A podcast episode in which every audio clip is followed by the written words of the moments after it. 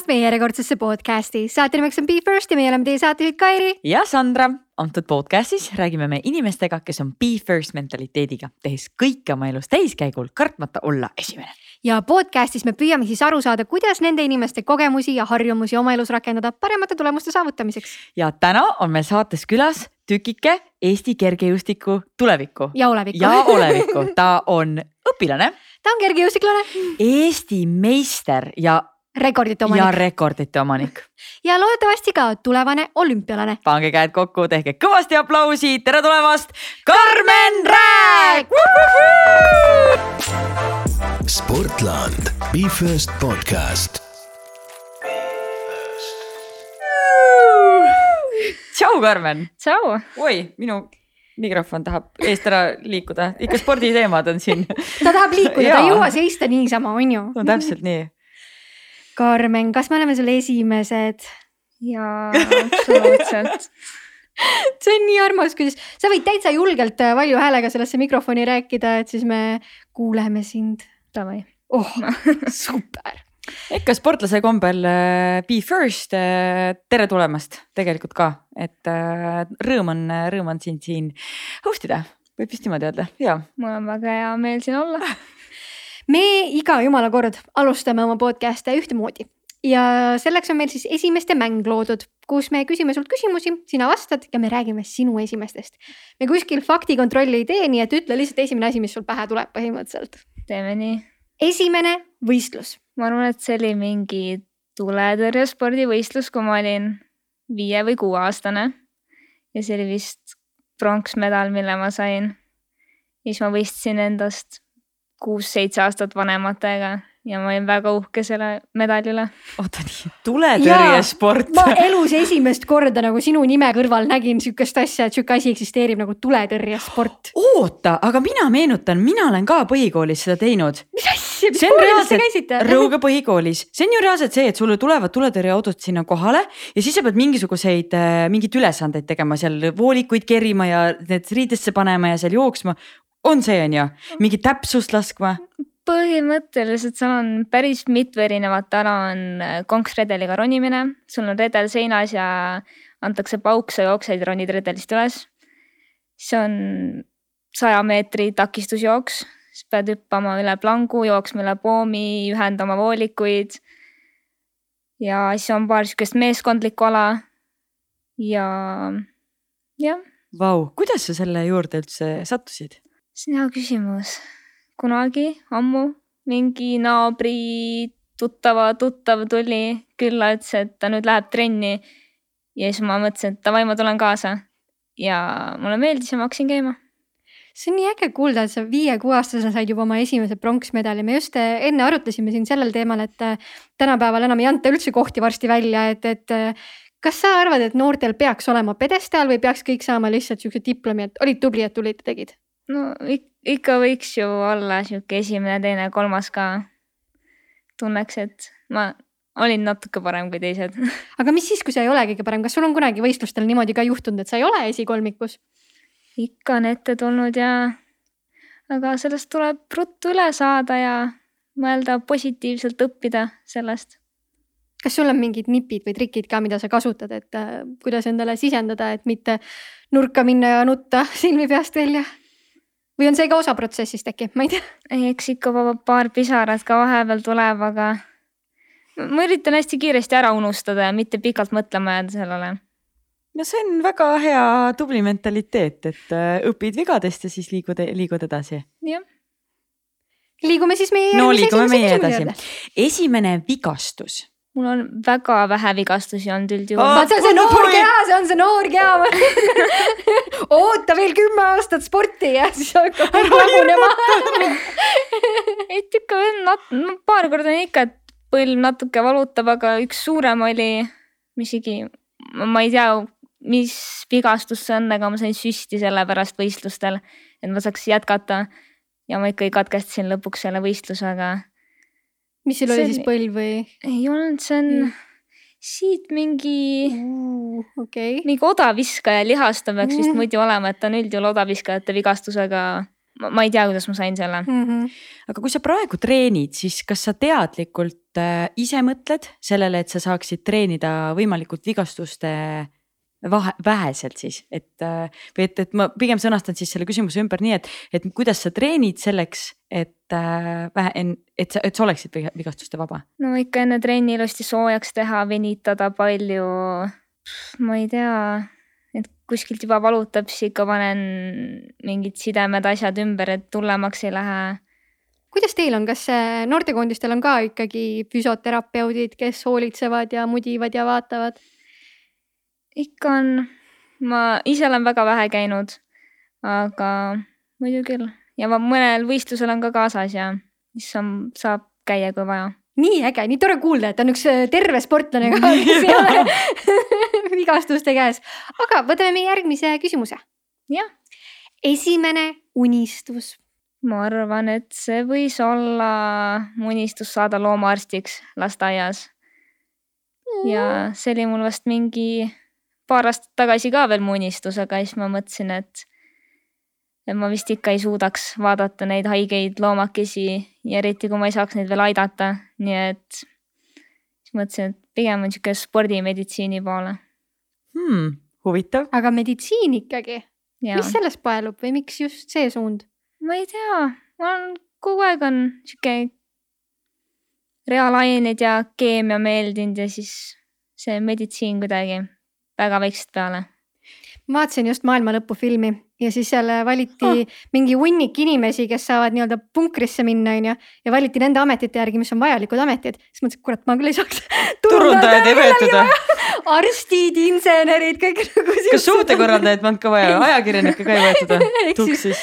me peame eriala vahetama, et meditsiin on väga õige valik, väga hästi valitud kas, kas sa, kas sul on teadlikult olnud ka mingisuguseid spordialaseid unistusi või?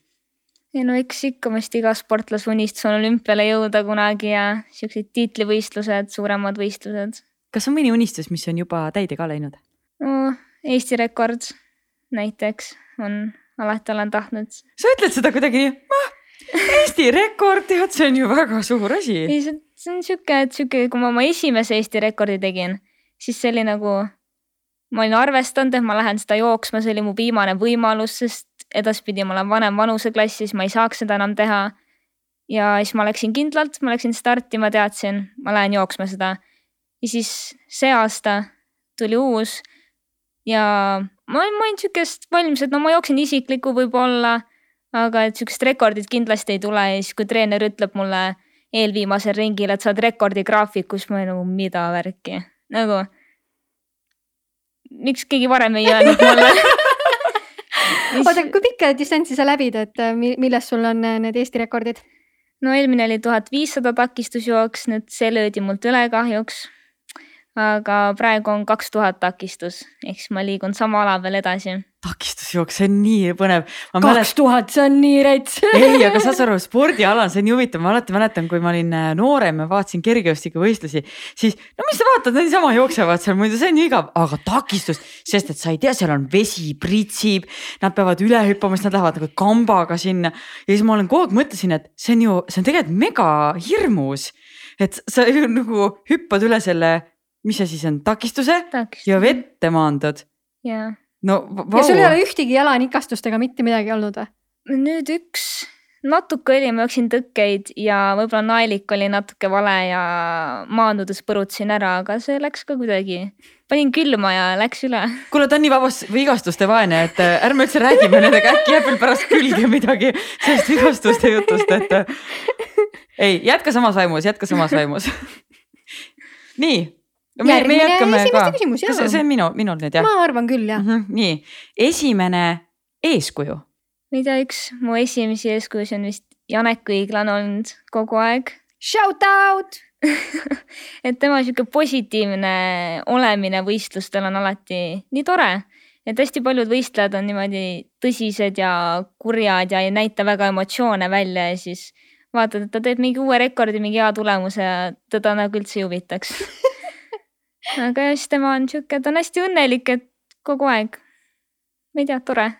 minu arust sina ka kogu aeg särad, äkki teil on mingid ühised jooned olemas täitsa juba jah. väga lahe, aga kas oled sa noh, ütleme, et vaatad, sa vaatad Eestis, et Eestis on Janek õiglane, kui palju sa jälgid seda, mis, mis välismaal toimub, kas sul on seal ka eeskujusid?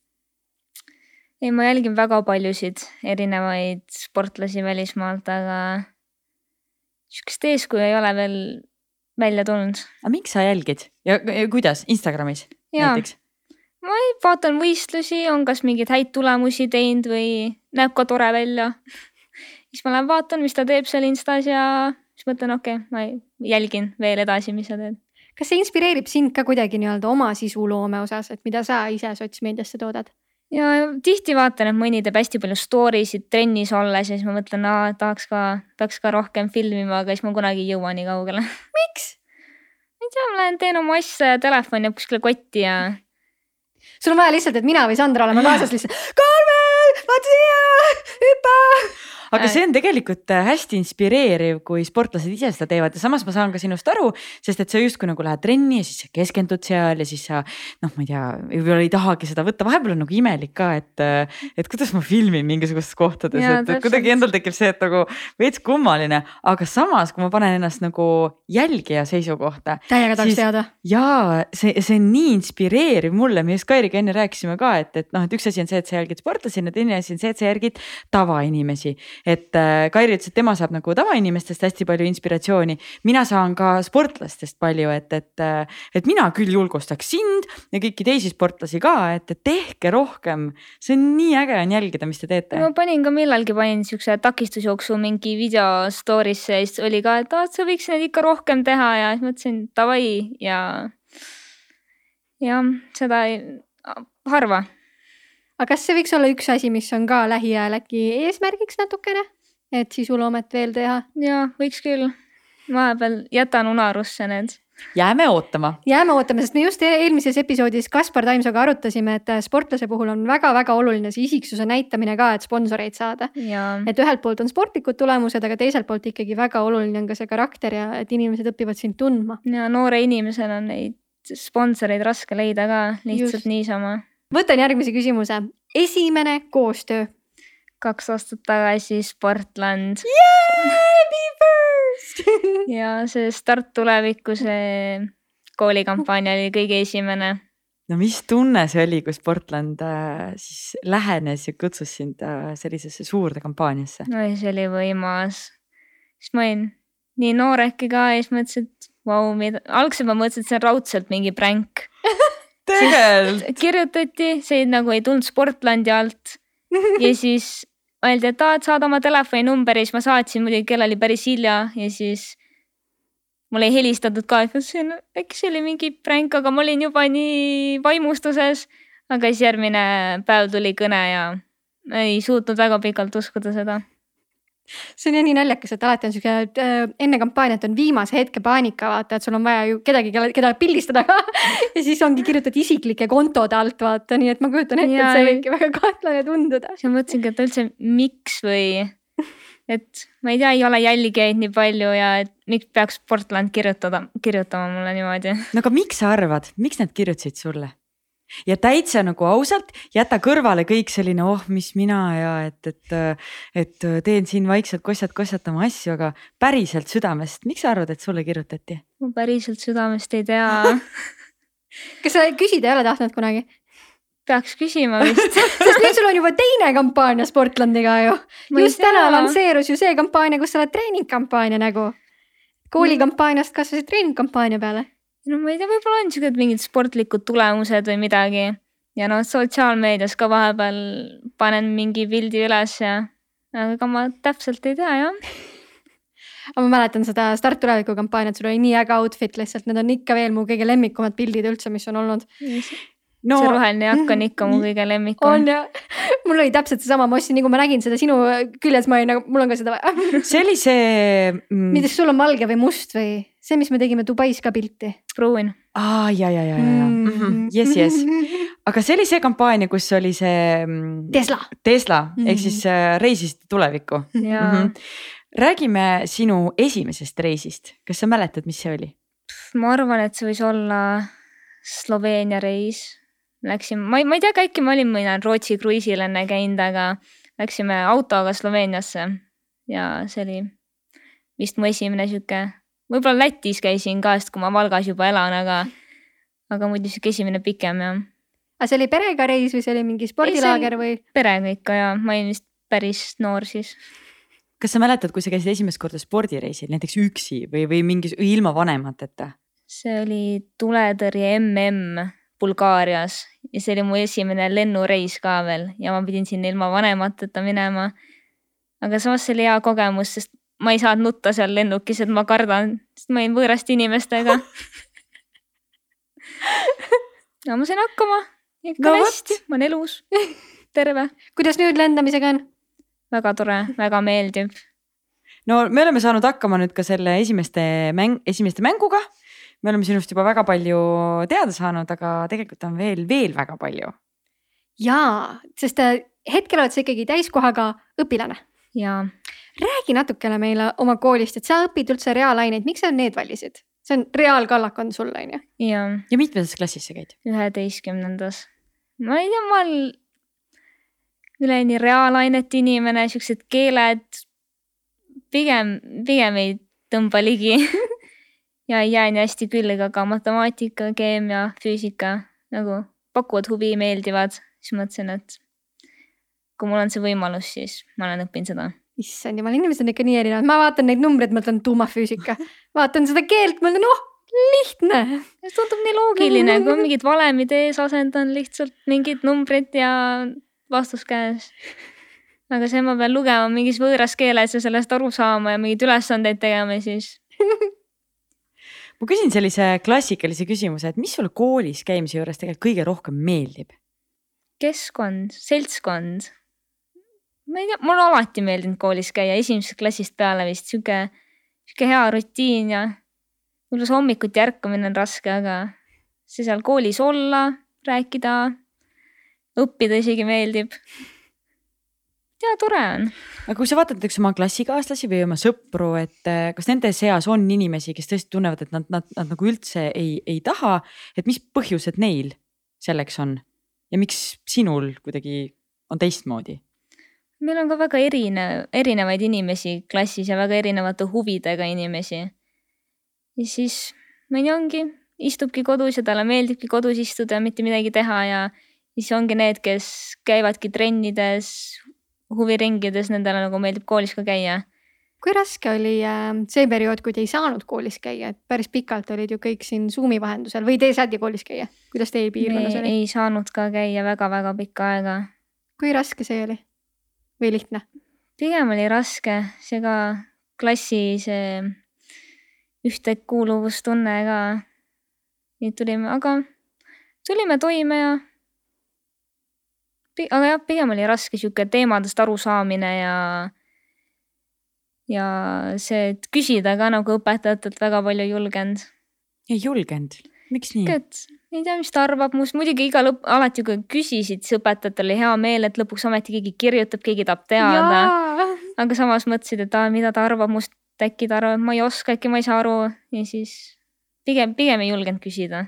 See on küll üks asi, ma arvan, et me kõik, kes me oleme koolituse andnud ja üldse mingi õpetamisega kokku puutunud, siis see on kõige toredam asi, kui keegi täpselt nii. kõige toredam, sa oled nagu ah, let me tell you ja tegelikult on ju ka nii, et, et noh, võib, võib-olla sa oled isegi seda tun-, tundnud, et sul on mingi küsimus ja sa ei julge seda küsida ja tegelikult tervel klassil või poolel klassil on täpselt seesama küsimus. ja siis, kui üks inimene küsib ära, siis kõik on niimoodi, aa, Mondje, aitäh, aitäh, et ära küsis, et, et mõtle seda, et selle küsimusega hoopis nagu teistele teene. aga ma, ma iseenda keskkooli ajast mäletan väga hästi ka seda hirmu äh,, hirmu küsida, sest sa kardad kuidagi eksida ei, koduõppel veel olles sa küsid, sest keegi klassikaaslane ei tea, et sa küsisid, aga just nagu koolis kohapeal võib-olla, et õpetaja küsib, kas keegi, kas kõik said asjast aru ja siis sa pead tõstma käe ja ütlema, et ma ei saanud. ja siis mõtled raudselt ülejäänud kõik said ja nüüd mina ei saa. see on tegelikult minu arust üks asi, mis võib-olla ongi kooli metoodika juures natukene luhta läinud, et me justkui tahame, et noored küsiksid küsimusi, aga samas me anname hinnanguid, on ju, et, et on õiged ja valed vastused mm -hmm. ja õiged ja valed küsimused, on ju. et see tekitabki sihukest tunnet, et sa ei julge küsida, aga kui sa saaksid koolisüsteemis midagi muuta, siis mis sa teeksid? kas sa muudaksid üldse või sulle meeldib, kuidas praegu on? tegelikult ma, ma olen täitsa rahul olukorraga. no midagi ikka on sellist, mis sa mõtled, et ja see ei pea üldse tegelikult ju olema akadeemiline asi, see võib olla ka midagi näiteks, ma ei tea, mingi. palun paremad toidud kooli hommikusse Valga gümnaasiumil on ülihead toidud. see on esimene kord, kui ma kuulen kooli kohta, et seal on head toidud meil on väga head toidud. ma vist ootasingi kooli mineku puhul kõige rohkem koolisööki, ma arvan. ja nii et selle, selle kallal ma nuriseda ei saa. Ma mõtlesin ikka siit saab midagi nagu Karmenilt nagu välja tõmmata, et, et nagu äkki midagi ikka on. aga mis, aga kui sa mõtled just vastupidi, mis on nagu väga äge, mis on noh, ütleme, et sa ütlesid, et kooli söök, söök, meie sportlane õige sportlane meie masti tüdruk jah. aga lisaks nendele sõpradele ja lisaks sellele seltskonnale, kui sa mõtled oma Valga kooli peale, kuidas see, kuidas see kooli, mis nimi, mis nimi su koolil on? Valga gümnaasium. Valga gümnaasium, siis mis on see kõige ägedam asi, mida sa näiteks kaheteistkümnenda klassi juures hakkad kõige rohkem või pärast kaheteistkümnendast hakkad kõige rohkem igatsema? ma ei tea, meil on väga tore sihuke, kuna Valga on väike, kool on väga suur ei ole, aga kuna meid ka ei ole seal väga palju, siis nagu ruumi on, kõik arvestavad üksteisega, kõik on sõbralikud, toredad, saavad läbi. ja seda jääbki vast kõige rohkem igatsema. kõik nagu nii kokkuhoidvad ja et õpetajad samamoodi hästi aru saavad ja suhtlevad õpilastega ja kas te ütlete seda ka õpetajatele, kas nad teavad seda? ma arvan ikka, mõni, mõni kindlasti teab. see on see vana hea, et oletad, et ai, kuidas sa ei tea, et ma armastan sind, ikka armastan sind millal viimati ütlesid, kümme aastat tagasi ma loodan, et nad kuulavad seda podcast'i, et nad saavad teada. ja ei mõni sihuke võib-olla, kui on sihuke vanem õpetaja, kes meeldib, võib-olla tema ei tea, et temaga ei julge nii semutseda ka, aga kui sihuke noorem õpetaja on, siis ma arvan, et ta saab aru. mis sa arvad, ilmselgelt sul läheb väga palju auru ja fookus spordi tegemisele. kas üldse on oluline, et sportlane, kes juba teab, et ta tahab spordiga tegeleda, peaks koolis käima? kindlasti peaks, see sportlaskarjäär on sihuke, et mingi vigastus, midagi tuleb, siis ja kui seda nagu korda ka ei saa, siis selle sportlaskarjääriga ei jõua väga kaugele ja kui sul ühtegi muud oskust ei ole, haridust ei ole, siis ega sa mujale ka ei saa. kas sa tunned täna, et pärast gümnaasiumit sa lähed kohe edasi õppima? ja kindlasti. on juba midagi silmapiiril ka? Tartu Ülikool, meditsiin ikka selle nimel pürgin jah kas äh, praegu on ka veel niimoodi, et üheteistkümnendast tehakse juba mingeid keemiaeksameid ja asju ära või? meil ei taha veel. okei, okei. Ma mäletan, ma tegin üheteistkümnendas tegin keemia ära ja siis oli nii palju lihtsam kaheteistkümnendas, et ma Üks tegin geograafia. Ärge küsige, ärge küsige, kuidas need laamad liiguvad nagu I have no friggin idea. igatahes, aga kui sa mõtled praegu selle aja peale äh,, võtame, tegelikult võtame keskkooli aja, mis on kõige, mis on kõige ägedam asi, mida sa selle aja jooksul õppinud oled? Kuidas kodus hakkama saada. nii, palun räägi sellest täpsemalt. meil on vaja õppetunde ma koolis on nii vähe käinud tegelikult, seda kümnendat klassi nagu ei mäletagi väga. alguses käisid ja siis said võib-olla nädalaks ja kuskil vahepeal käia ja siis pidi jälle kodus olema. aga kuidas, mis see tähendab, kuidas kodus hakkama saada? see on väga huvitav, et seda niimoodi ütled, sest et tegelikult ma isegi ei kujuta ette äh, sinu, ma isegi ei oska ennast sinu seisukohta korda praegu panna, sest et sa oled ju tõesti nädal aega saanud äh, koolis käia ja pida- põhinud, põhimõtteliselt pidanud nagu ise üksi hakkama saama, et äh, sihuke arvutis igasugused keskkonnad, Zoom'id, Meet'id, sellised asjad on, ma arvan, kõvasti rohkem käpas, kui nad enne olid. aga kuidas teil oli, kas äh, kooli ei saanud minna, kas trenni sai minna siin pandeemia ajal? oleneb, kui sa ikka ilusti terve olid, siis meil oli treener ka sihuke, käiski tiksus kahe-kolme sportlasega, ükshaaval istuski hommikul kella kümnest õhtuni välja. et tegi poolteist tundi ühtedega ja siis kutsus järgmised ja aga noh, kui haige olid, siis ei saanud kuskile minna. kuidas sul õnnestus, said ilusasti tervena käia trennides või oli ka vahepeal vaja paus üks võtta? nädal jäi vahele, aga siis noh, siis ma tegin iseseisvalt, treener Mhm. andis plaani ja tegin üksinda ära. kes su treener on? Anneli Taul mis sulle oma treeneri juures kõige rohkem meeldib? ta on hästi mõistev, arusaав, võtab väga palju aega, et pühendab hästi palju aega meile. ja istub üleval, teeb oma plaane. siis vahepeal ma küll mõtlesin, et miks, miks ta viitsib, et kui ka väiksem olid, siis mõtlesid, et no ma ei ole kunagi väga viilinud ega mingeid trenne vahele jätnud, aga mõni küll käis seal mingi kord nädalas ja siis mõtlen, miks ta viitsib tegeleda temaga üldse või miks ta näeb vaeva. aga nägi ja viitsis ja. kas sul ei ole kunagi sihukest viilimise tunnet olnud, et ah, äkki, äkki ikka ei tee seda trenni ära? oi ei, ma, ma südametunnistus ei lubaks. oota, palun mulle ka nagu seda südametunnistust või seda treenerit, kes tekitab siukse tunde, et ma ei saa viilida. no ma juba teen kõhuliha. teen kõhulihaseid ja siis teen nagu seerias kakskümmend ja siis, kui mul läheb lugemine sassi ja mõtlen, okei okay,, kas mul nüüd üheksateist või kakskümmend, siis ma teen ikka igaks juhuks ühe juurde, et pärast äkki oli üheksateist. see on, aga see on väga huvitav äh, mentaliteet, et sa niimoodi, niimoodi mõtled. kas sa, kas sa oskad kuidagi panna sõrme peale, et kust see tulnud on sul? ma ei teagi, ma, ma olen kogu aeg sihuke olnud, ma ei julge jätta asju tegemata, sest ma tean, et pärast mu enda tulemuselt sõltuvad sellest ja kui ma teen, siis ma teen korralikult.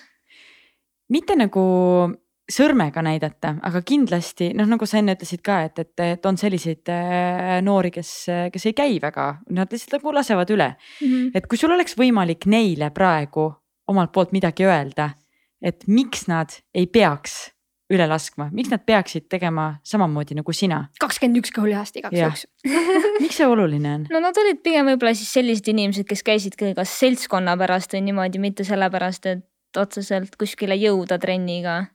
mis sa neile öelda tahaks? see on hea küsimus. tee üks veel. jah, ta võiks nagu, nagu nad võikski panna paika oma plaani, mida ta tahab teha, mida ta saavutada tahab. siis, kui ta tahabki teha sporti, siis tehku täiega. ja kui te ikka üldse ei taha, siis pigem vist ei ole üldse mõtet. mis hetkel sina aru said, et sa tahad sporti teha, mitte lihtsalt selles mõttes, et äh, natukene trenni teha, vaid et professionaalselt? mäletad sa seda hetke äkki? ma mäletan, see on algusest peale suht nii olnud, ma ei, ma ei ole kunagi olnud sihuke, kes lihtsalt läheb, proovib ja siis okei okay,, käisin nädal aega ära, ei meeldi, ma lähen ära. kas tähendab, sa ei ole ühtegi teist spordiala proovinud või? ma olen teinud tegelikult väga palju, aga siis need ongi, muusikakoolis käisin selle ma lõpetasin ära, käisin seitse aastat ära. siis ma olen kunagi tantsimas käinud, aga siis see oligi mingi teatud vanuseni, eks ma ei saanud seal enam rohkem käia. tuletõrjesport oli vaja kergejõustiku pärast pigem pooleli jätta ja treeneril ka ei olnud enam nii palju aega eraelu kõrvalt teha meiega. nii et ma li lihtsalt ei ole niisama pooleli jätnud midagi. ja see üks aja raiskamine, ma arvan, ma ikka mõtlen läbi enne ja siis teen. oota, aga kui vana sa olid, kui sa kergejõustikuga alustasid? see kolmas-neljas klass, ei tea, kümme. ja umbes. nii noorelt juba teadsid või tundsid, et sa tahad seda teha nagu rohkem kui lihtsalt sõpradega trenni minek? ja mul ei olnud vist väga palju sõp-, mul ei olnud seal ühtegi väga tuttavat, ma, Valga on väike koht, ma teadsin enam-vähem inimesi, kes seal käivad. kõik olid kõvasti vanemad kui mina. ja siis mul ei olnudki nagu käia seal mingi sõbraga koos nii et ma läksin ja mulle väga-väga meeldis. jah kuidas sinu nii-öelda alade valik toimus, et ma mäletan, et kui ma esimest korda kergejõustikusse läksin, siis mul treener vaatas peale, ahah, sa oled akrobaatikaga tegelenud, kõrgushüpe läheb nii. kuidas sul need alad valiti? no ma alguses tegelesin ka kõigega, tegin ka siukest mitmevõistlust, aga kätt mulle antud ei ole, nii et mingit oda viskama ma ei lähe, ketast heitma ma ei lähe, kuuliga ei tõuka ja siis vaadati, vaadati kohe, et jooksualadel nagu ajad on minu vanuse kohta päris head. ja et ma olin paljudest poistest ka peajagu üle, et siis vist ikka see jooks. see on päris kõva motivaator ei no tegelikult on mm. -hmm, muidugi. see ikka, kui ma mäletan omast ajast, et kui ikkagi sai ujumisest poistele ära panna, vot see oli tegija. Savise medal, peaasi, et, peaasi, et sai poistele pähe teha. aga mis sind motiveerib? Tulemused, näha ennast arenemas, vaadata, jooksed lõike trennis ja siis vaatad eelmist aastat aegu ja mõtled, et vau, ma olen kiirem ja siis see nagu motiveeribki, ma tahan järgmine aasta veel kiirem olla. kas sa näed, et äh, sinu areng motiveerib ka kuidagi äh, sinu ümber olevaid inimesi, näiteks trennikaaslasi või pere või? täiesti võimalik, ma ei ole kunagi mõelnud selle peale niimoodi või pööranud tähelepanu. kuidas sa täna tunned, kas need alad, mida sa teed, on need alad, millega sa lähed nüüd lõpuni välja? ma arvan küll, see takistusjooks on küll südames ja võiks, võiks teha. oota, aga takistusjooks on kaks tuhat meetrit, on ju? see on no. nagu, see on nagu pikamaa ja nagu sprindi vahepealne ala täpselt. noh, tegelikult on kolm tuhat. kolm, veel. ta oli enne tuhat viissada, siis nüüd ta on mul eelmine aasta, see aasta ja vist järgmine aasta on ka äkki veel kaks tuhat ja üldse täiskasvanuna on ta kolm tuhat. see on päris pikk maa, mida nagu kütta on. lihtsalt täiel tempol. ringis ka. eks ma pean ka vaeva nägema, kolm tuhat on ka minu jaoks veel esialgu võib-olla natuke pikk maa, aga tuleb vaeva näha ja siis küll ta tuleb. mis kiirusega sa jooksed seda? on sul mingi kilomeeter on sul, mis sul kilomeetri aeg on seal? Kolm millegagi kilomeetrit. mul juba hakkas halb mul hakkasid juba jalad valutama kõik on piimapead täis. ei, see tundub küll päris sihuke, et kui ma ka niisama käin krosse jooksmas ja siis ma jooksen ka seal viiega või vahepeal nelja lõppu, siis mõtlen, et appi, ma jooksen võistlustel mingi minut kiiremini, kuidas see üldse võimalik on või kui ma lõike jooksen, et ma peaks veel mingi viis ringi niimoodi laskma, siis tundub päris võimatu. Mida sa ütled oma kehale, et ta ei oleks nagu cancel, ma ei viitsi seda, see on liiga raske? ma ei tea, ma ei, ma väga ei mõtle või no ma mõtlen väga erinevate asjade peale, täis võistlustel ka nii random asjad on peas. no, No. mis ma ei oskagi näidet tuua, aga ma ei tea, näen kuskil mingit kassi tänava peal korraks mööda jooksma, vaatan päris armas kass oli või jooksen seal ja siis mõtlen, et ah, ma olen esimene või siis oi, ma olen teine, et okei okay,, ma vist pean jooksma või. täiesti, täiesti vahepeal ma mõtlen jooksu all, et Karmen, miks sa mõtled selliseid asju? muidugi see on mingi eestlaste teema, et me näeme hiiri või rotte või keda sa Talijärvsel nägid, kasse ja aga kui, kui on mõni selline võistlus, mis ei lähe nii, nagu sa oleks äh, tahtnud, et see oleks läinud. mis see sinu, mis, mis sa endale siis räägid? mõtlen, et järgmine kord teen paremini. õpingi vigadest, mõtlen, et miks see nii võis olla, mida ma teisiti järgmine kord teen. Enamasti on pigem see mõistuses kinni sihuke, et ma ei julge endast kõike anda või et äkki ma lõpuni ei jõua või äkki on pärast lõpus raske, aga tuleb lasta ja kui ei jaksa, siis ei jaksagi. aga kas sa mõtled seda kuidagi peast läbi või sa kuidagi kirjutad enda jaoks neid ei, asju? ma mõtlen peas ja kas see on midagi, mida sa teed äh, nagu iseseisvalt või see tuleb kuidagi treeneri soovitusel? eks ka treener ka ütleb, et ma ei, ei tohi nii peas kinni olla asjad, tuleb minna ja lasta ja. Ja siis vahepeal samas see on nii raske, ma mõtlen küll, et ma pean minema, ma ei tohi karta, aga samas nagu jooksu ajal ikka kuidagi alateadvuses ei las-, ei an-, pane kõike välja. kas sa oled selle peale ka mõelnud, et, et Janek mõtleb samamoodi ja tal on need sellised sama, samad raskused nagu sul? ma arvan, et see on vist igal sportlasel natukene niimoodi. ma olen nüüd nüüdseks võib-olla sellest üle saanud rohkem, et ma ikka, kui on tähtis ja ma pean andma endast kõik, siis, siis ma ikka annan ja lõpuni välja. et ei karda?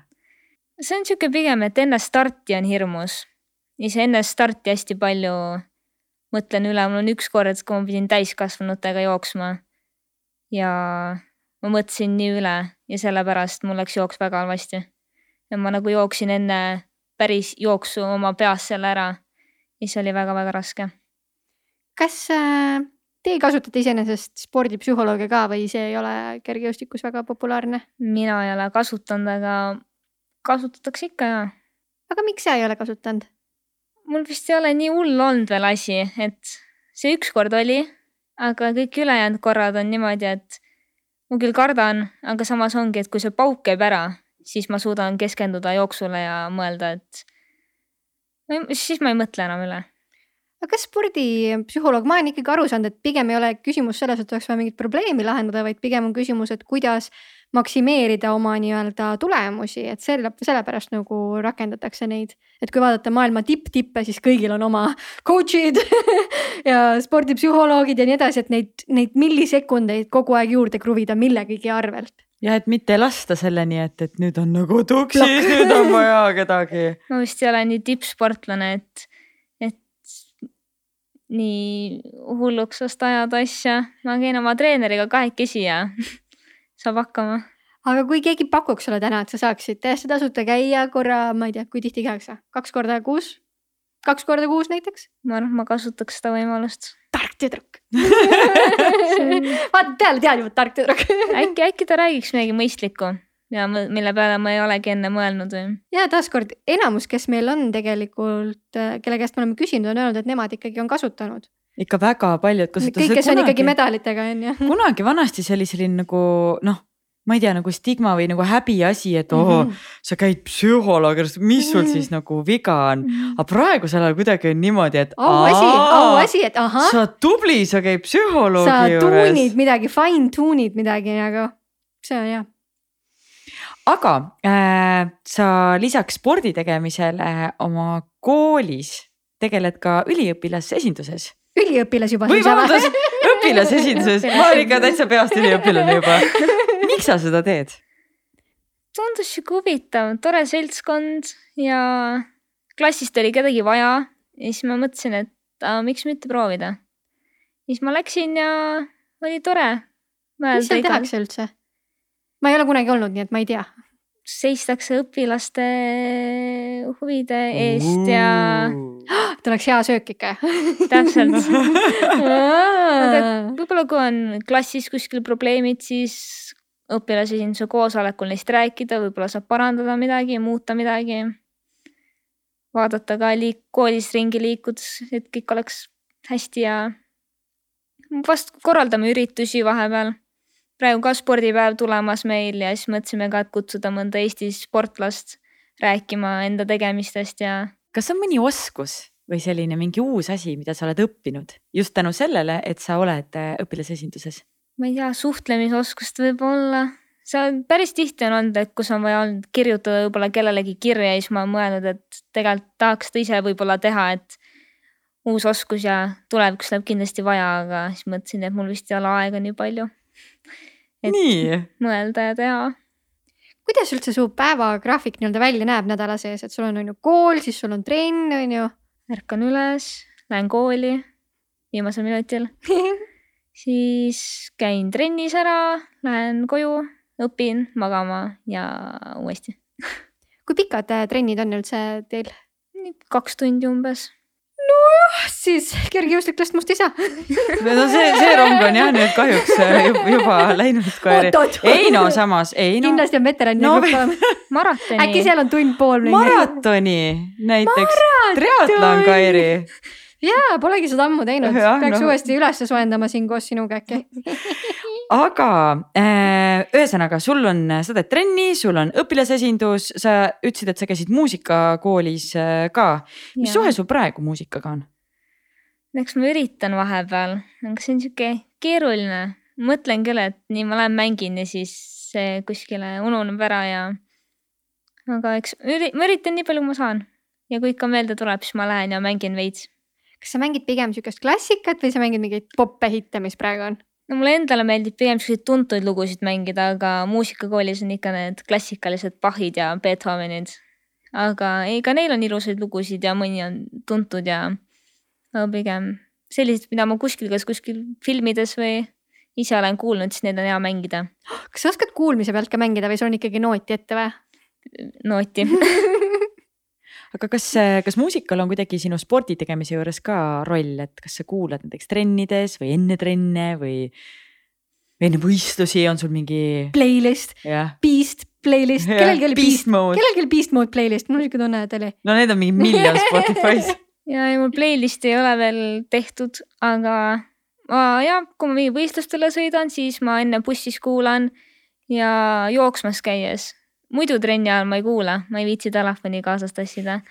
aga kui ma lihtsalt jooksen, siis ma tavaliselt ikka kuulan, mul hakkab vist igav, kui ma pean mingit kümmet, viiteist kilomeetrit jooksma ja siis lihtsalt vaikuses no mis sul, mis, mida sa kuulad, kui sa trennis käid? kõike. mul vist, on ka küsitud, et mis mu võib-olla lemmiklaul on või nii ja mu- mul ei ole siukest, ma lihtsalt kuulan kõike. Ma ei pane autos ka mitte kunagi, kui keegi ütleb, et aa, pane mingit laulu, siis ma kunagi ei pane, sest mul on nii ükskõik, mis sealt tuleb. no aga kui ma praegu ütlen, ma annan sulle iPad'i kätte ja ütlen, et pane Spotify'st mingi laul, mis laulu sa paneksid? ma ei tea. no ma reaalselt ei tea. ma olen tõenäoliselt täpselt samasugune, kuigi mul on ikkagi aeg-ajalt niimoodi, et mul mingi lugu hakkab meeldima, siis ma kuulan seda mingi kakssada korda no järjest. pigem on jah, sul mõni, sihuke mõni lugu on äkki peas praegu, mis tuleb mingi, millest hästi palju kuulan. Mul on kaheksa Billie Eilishi kõik lood põhimõtteliselt. hooti lihtsalt üks kuu kuulan ühte, järgmine kuu kuulan ei teist. mingi aeg oli ja, kui ta tulid need, siis ma kuulasin neid päris palju. aga niimoodi mingit kindlat ei olegi. kas sa jõuad kõige selle kõrvalt veel midagi teha või kas on midagi, mida sa tahaksid kindlasti veel teha? ja mul on koer, temaga on vaja tegeleda. nii minu lemmikteema, Nii, mis on, siia. nii, nii mis koeratõug mul on? on pikakarvaline kolli. On ja ilusad. kas ta on nagu full on sinu koer või? ma püüan ette kujutada, milline on pikakarvaline kolli. mine vaata mu Instagrami. Davai, või toome handle'i ka öelda siia kohe, siis me kõik saame minna ja follow panna. Karmen Rääk noh nii, lihtne oligi. Raak. ei tea, mul on koeral endal ka Insta, nii, aga mul läks meelest ära see password, nii et ma, ma ei saa sinna sisse enam um,. Aga temaga, mis te teete, kas te pigem käite lihtsalt jalutamas või on ka, et ta käib mingitel näitustel või mingites spetsiaalsetes trennides, kas ta on Ta ka vist- sportlane? ta vist muidu oleks väga hea näituse koer olnud, aga see salongides käimine kõik võtab nii palju aega, aga me käisime temaga ka trennis, käisime eksamitel. seal ta oli tore, tubli, kui me tegelesime temaga, siis ta ikka oli, aga kuidas nüüd? ei, ta ikka on tubli. Mõtlesin ikka, et näitab iseloomu, et mingist vanusest nad hakkavad ikka testima. no ei, ta on sihuke hästi rahulik, ta pigem ei haugu väga ja meenutab kassi rohkem ja sihuke magab. meil on kassi ja koera, see suhe on sassis. aga kui me juba Instagramist räägime, siis tegelikult sa tegeled päris aktiivselt ka sisuloomega. Et kui palju sa, kui palju sa ikka tegelikult mõtled selle peale, et, et Instagram või sotsiaalmeedia on sinu kui sportlase jaoks selline oluline kanal? ja ei no, ei ma ikka ikka vahepeal mõtlen, et ai pole päris pikka aega mõnda pilti pannud ja siis kui ma ikka tunnen, et tahaks panna ja mõtlen, et mingi outfit meeldib, siis ma ikka ütlen kellelegi, et davai, lähme pildistama ja. siukseid spordipilte on vähe, ma ütleks. Et siis, kui ikka võistlustel käid ja tehakse, siis ma ikka olen üldjuhul pannud, kui on mõni ilusam.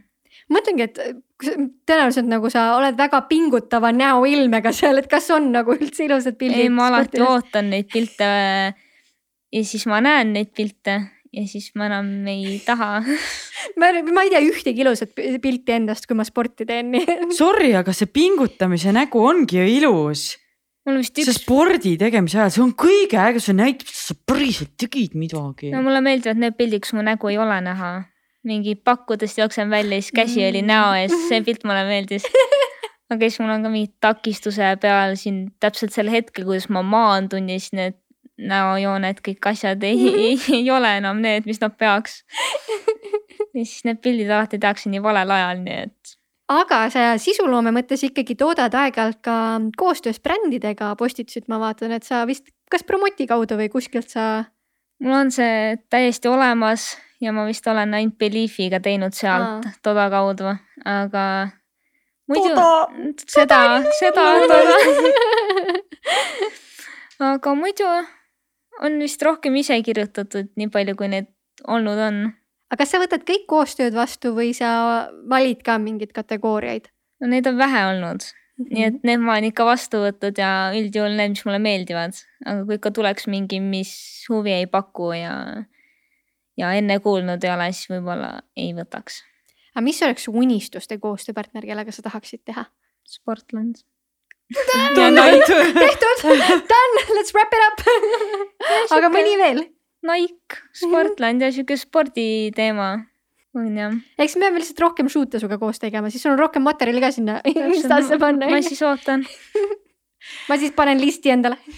aga me tegelikult enne puudutasime ka seda vaimse tervise, tervise poolt, et eh, kui palju sina üldse sellele mõtled ja kas te räägite sellega oma, sellest siis oma sõpradega ka, et väga harva, aga ja meil trennis on ja pigem jah selline, et ongi see ülemõtlemine ja siis me üritame ka üksteist motiveerida ja, ja rääkida, et come on, et see ongi raske ja korraks sured, korraks lähed üle joone, viskad pikali maha pärast loma seal nii kaua, kui sa tahad, aga vähemalt on jooks tehtud ja tegelikult pärast on väga hea tunne, isegi kui sa oksendad seal peale jooksu.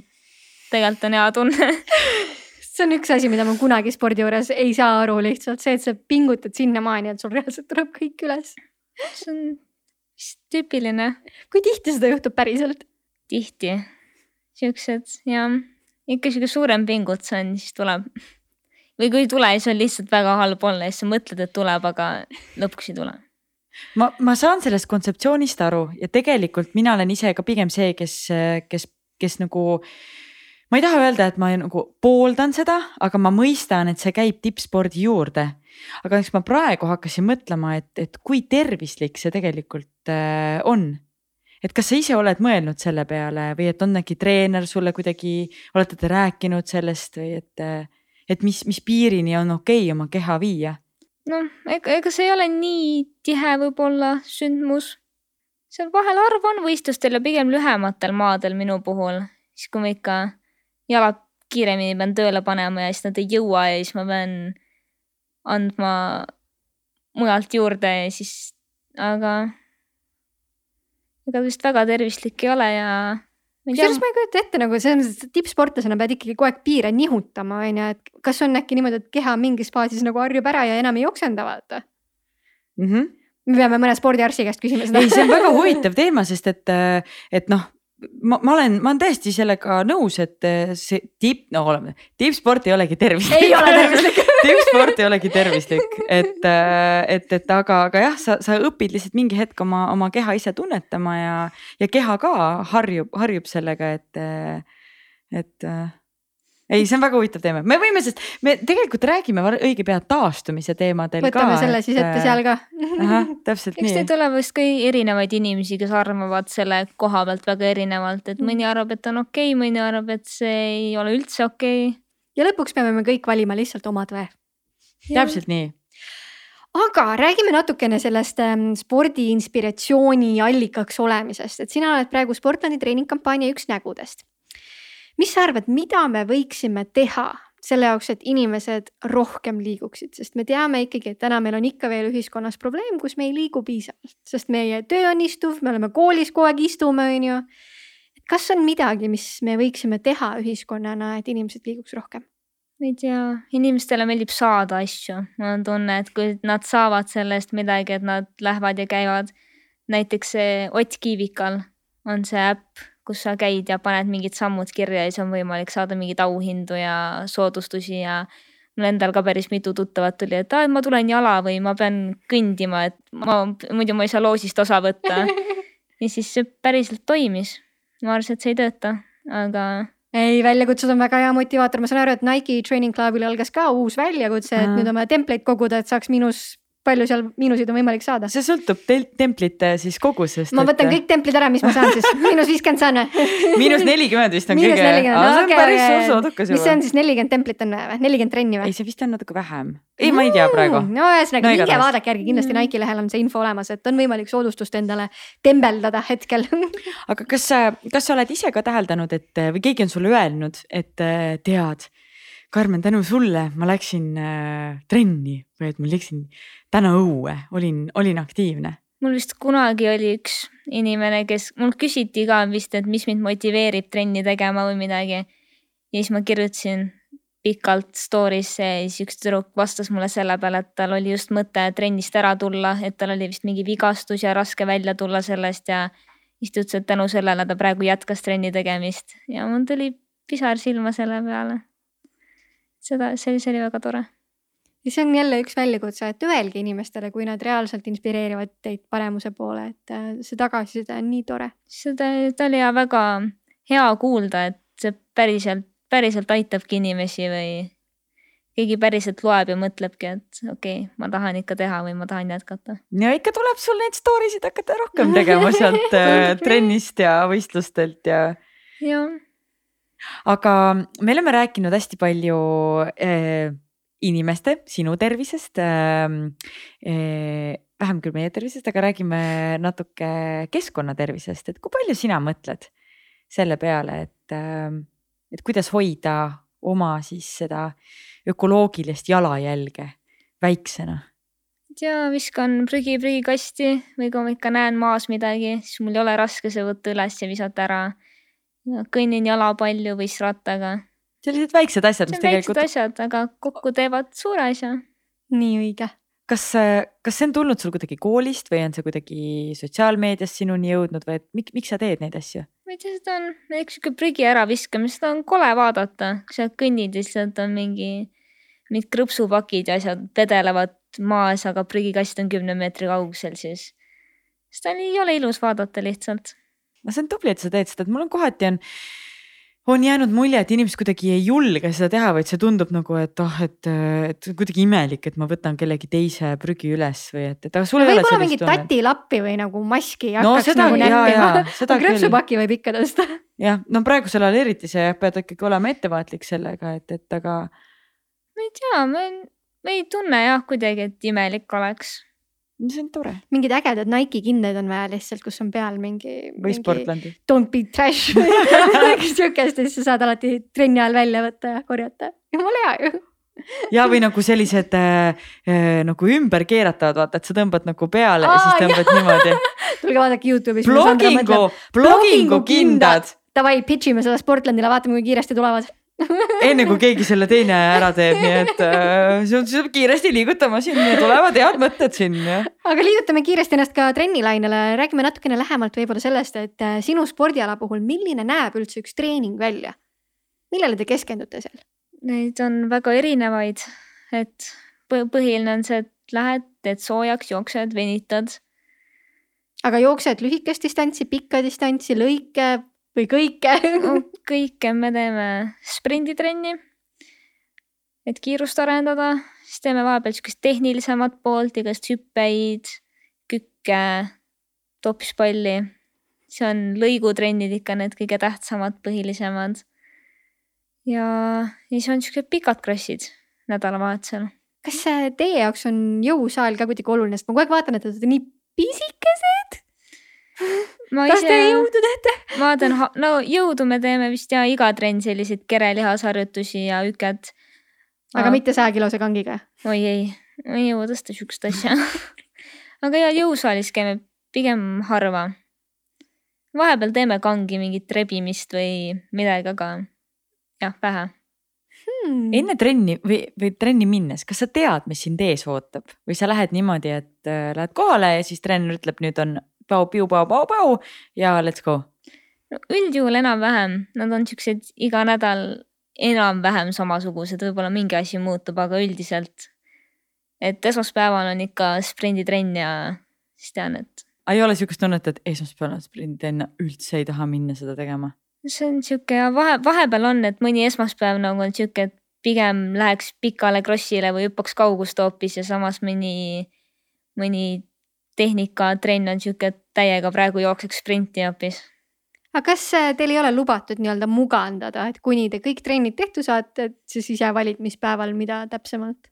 ma ei ole küsinud varem aga eks ikka ka siis, kui võib-olla raskem on, peab ikka ära tegema ja aga kas see rutiin igavaks ei muutu?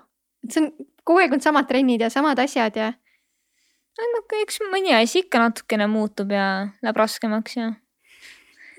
Ja et ega, ega väga pikalt meil ei ole, eks ta, meil ikka muutuvad ka siuksed olenevalt hooajale ja no aga jooksmine on ikkagi jooksmine, et selles mõttes, kui sa pead ikkagi viis korda nädalas jooksma järgmised kümme aastat, siis kas see ei ole nagu. jooksmine on tore. noh, ma mõni, tahan ka seda mentaliteeti, jooksmine on tore, Sandra. Sandra jooksmine on tore. ma tean, ma iga, päev räägin endale seda kogu aeg. ikka veel ei usu. ikka veel, päris mitu aastat on võtnud aega, aga mulle tundub ka, et see sõltub väga palju ikkagi eesmärgist, et kui sul on eesmärk, siis jooksmine on vahend hmm.. või et see on nagu jah, see on, see on nagu tööriist, kuidas jõuda selle, selle eesmärgi või selle lõpp, lõpp, mu- lõpptulemini, et mult on ka küsitud ja, et kuidas sa nagu, et sa lähed jooksma nädalavahetusel, et miks sa lähed või mis sa ütled endale või kuidas sa mõtled enne, aga see on jah sihuke, et mul on kindel eesmärk ja ma käin trennis, ma ei tee seda lihtsalt, et ai, ma täna mõtlesin, et võiks minna. ja mul on sihid paigas ja siis sellisele lihtsalt, kes mõtleb, et tegelikult tahaks jooksmas käia vahepeal, siis on kuidagi nii raske seletada sihukest asja.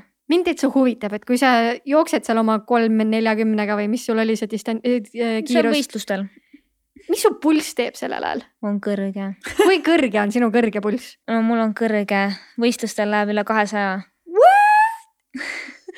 mul on vist loomulikult kõrge pulss tegelikult. kuidas sa saad, kuidas sa üldse suudad fu- funktsioneerida? minu madal pulss on sada kuuskümmend viis.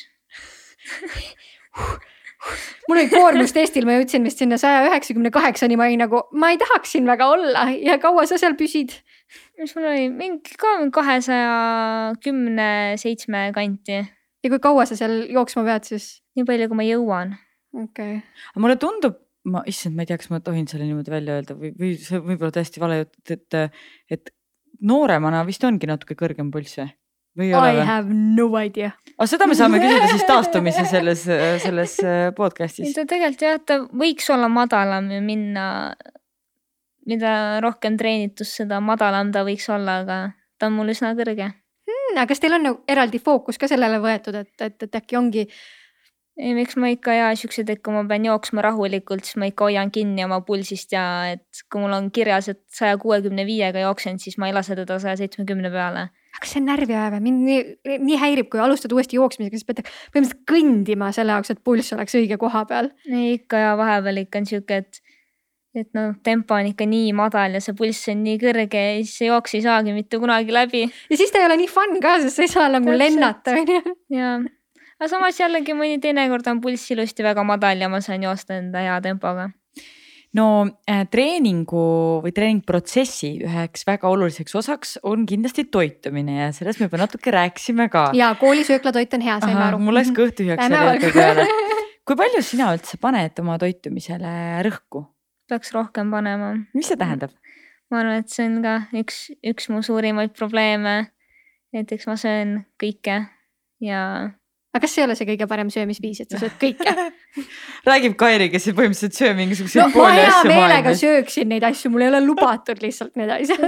kõike, aga lubatud piirides. see on nagu, pead ikka jälgima, et liiga palju ei sööks. Tänasel hetkel mulle tundub, et sportlased on järjest rohkem informeeritud selles osas, et äh, kuidas toituda niimoodi, et see oleks taastumisele võimalikult hea ja tulemustele võimalikult hea. kas te treeneriga räägite ka sellest nii-öelda toitumise osast ka või? harva, ma tean, et enne võistlusi on süsivesikud väga olulised ja siis ma ka lasen neid seal makarone sisse enne võistlusi. Mm. aga ega muidu, ei miks ikka vahepeal mõtlen, et sihukest magusat kraami vähem ja igast kokat ja nendele, neid võiks vähem. kas teil koolis õpetatakse üldse midagi nagu toitumise kohta ka väga vähe, pigem ei räägita, seda võiks võib-olla rohkem olla. mm? -hmm. no vot, saime sellele ühele küsimusele vastuse. tuli ära väga hea, see on siuke komb-, kombineeritud äh, intervjuu, et äh, ühe, ühe küsimusega vastad mingisugusele teisele, teisele küsimusele. joo, kui sa saaksid elu lõpuni süüa ainult ühte sööki, siis mis see oleks? Ma arvan, et mingid puuviljad ja siuksed. ma olen pitsa ja ma arvan, raudpoelt see pitsa on. vist jah, viskaks kopa ette võib-olla liiga kiiresti. aga siuksed mingid puuvilju süüa, need, need on head. no siis ma ei imesta, et sa nii heas vormis oled, kui su valitud toit on puuviljad. meie oma pitsavormi pealt siin ja, ja, ja chill ime. kuulge, noored, aga kas me anname fännidele ka sõna? sest sest me oleme et, täna nii palju küsinud, aga sest et tegelikult fänni küsimusi tuli väga palju sulle. võtame no hakka mingi. tulistama otsast, mina No ei nii. näe neid, mul ei ole aa, internetti. okei okay.. kas sul on võistlusnärv ka ja kuidas sellega tegeled, sa enne vastasid, et jaa, aga kuidas sa sellega tegeled? mul on ja enne jooksu on võistlusnärv. ja ei tea, ma üritan mõelda, et see, et tegelikult asi ei ole nii hull ja ma tean, et kui käib see pauk ära, siis see on kohe läinud.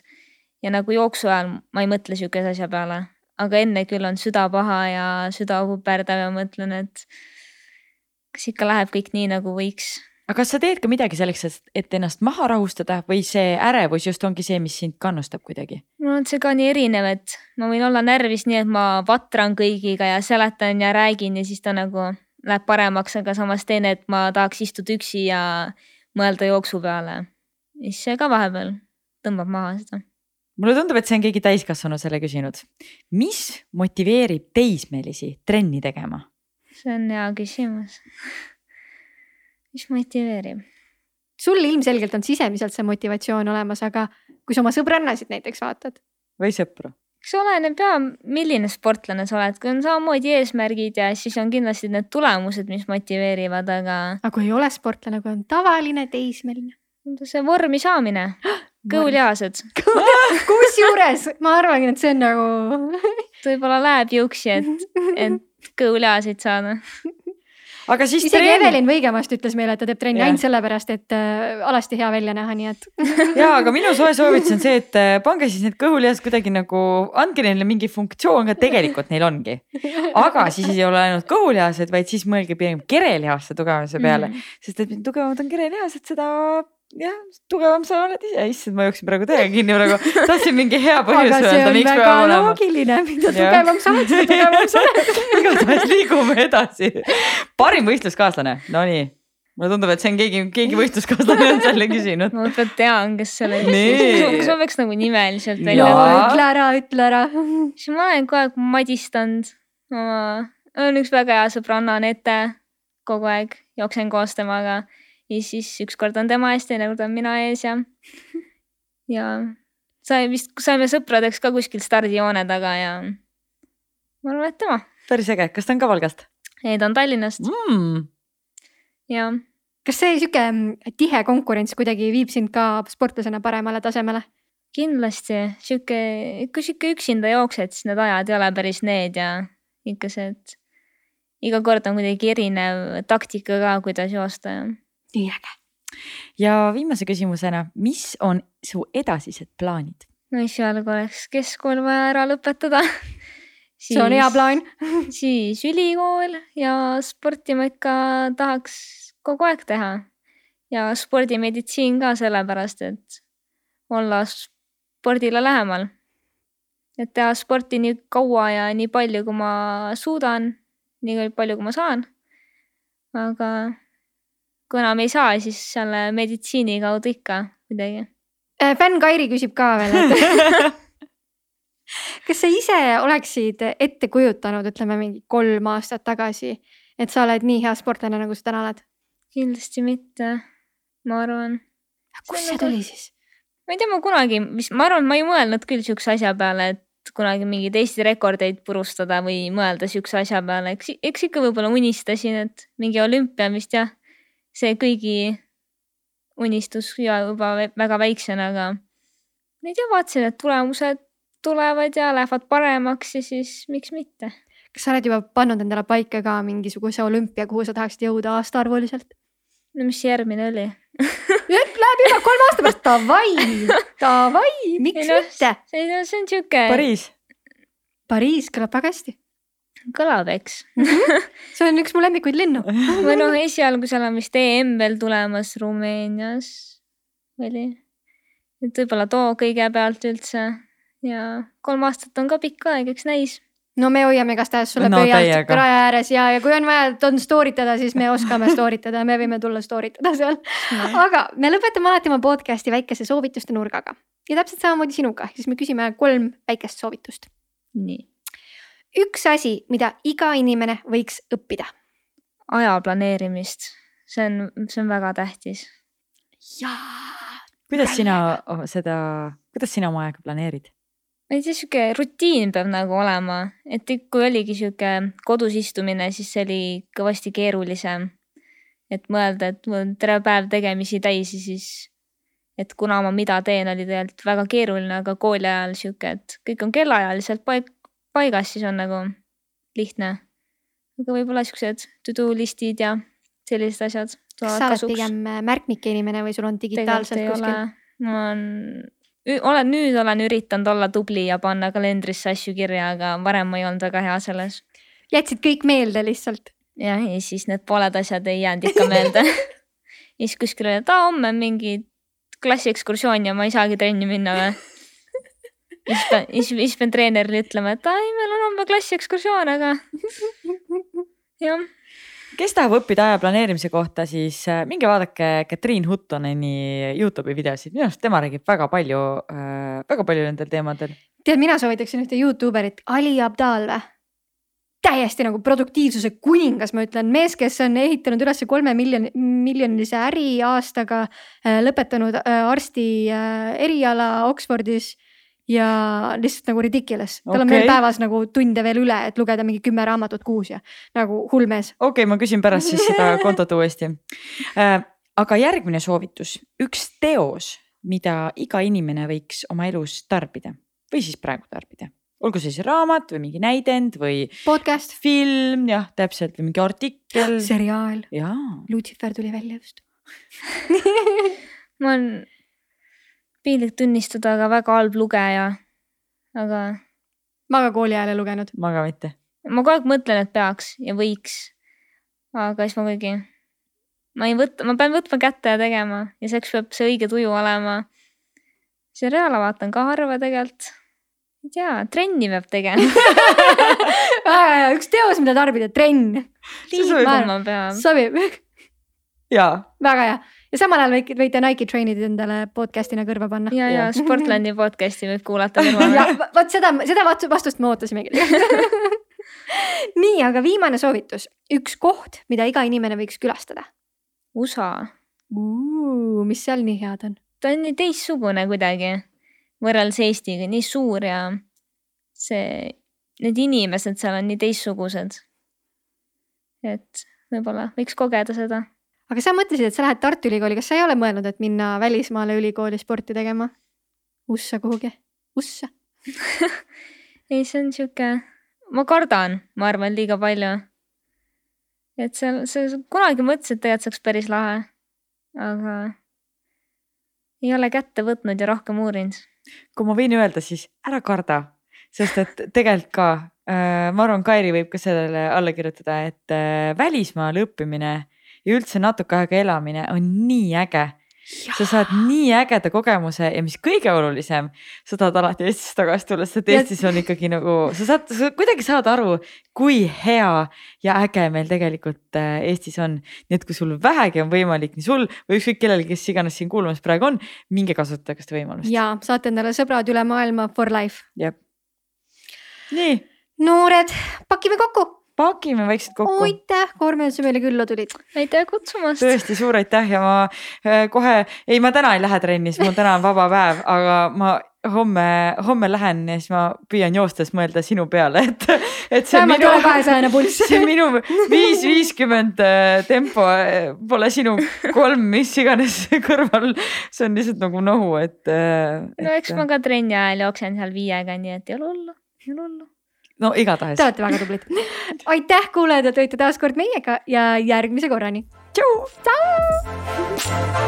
sportland, Be First podcast